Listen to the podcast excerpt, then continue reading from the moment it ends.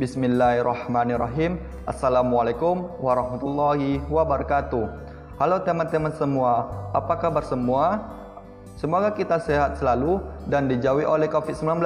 Oleh karena itu, kita selalu ikuti protokol kesehatan yaitu 3M, menggunakan masker, mencuci tangan, dan menjaga jarak. Hidup mahasiswa, salam cinta dari ujung kandang. Saya, Rafiki Hidayat dengan NIM 12080 11075 dengan prodi Peternakan Fakultas Pertanian dan Peternakan Universitas Islam Negeri Sultan Syarif Kasim Riau. Baik, di sini saya akan menjelaskan penyakit ternak sapi yaitu penyakit pneumonia atau radang paru-paru. Pneumonia atau radang paru-paru merupakan penyakit yang menyerang paru-paru pada bagian perkim sehingga menyebabkan gangguan pada fungsi sistem pernapasan.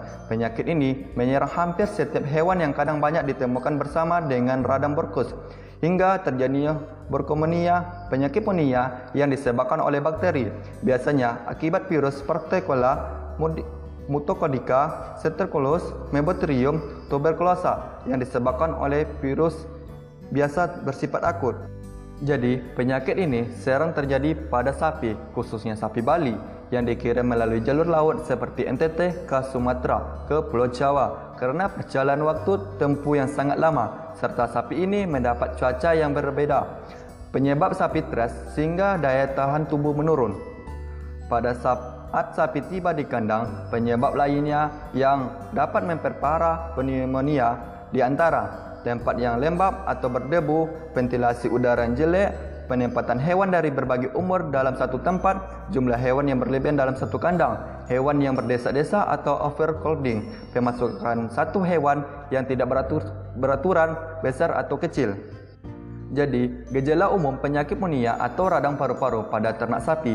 Yang pertama terlihat kesulitan dalam bernapas, yang kedua napas pendek dan cepat bertengah-tengah, yang ketiga dapat batuk, yang keempat, keluar cairan seperti ingus pada hidung. Yang kelima, demam dengan suhu 42 derajat Celcius. Yang keenam, tidak banyak bergerak, terlihat lesu dan sering berbaring di lantai. Yang ketujuh, terlihat gelisah. Yang kedelapan, nafsu makan dan minum berkurang.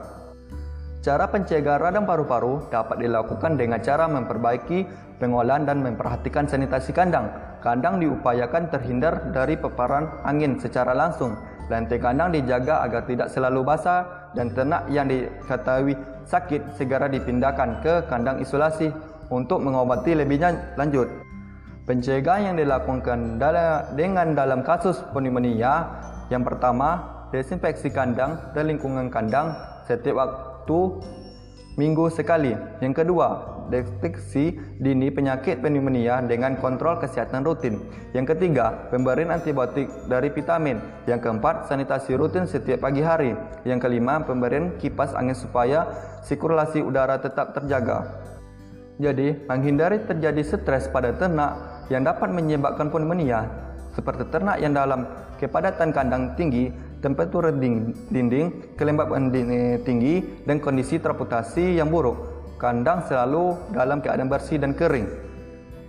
Hanya itu saya bisa sampaikan. Mohon maaf jika ada salah kata.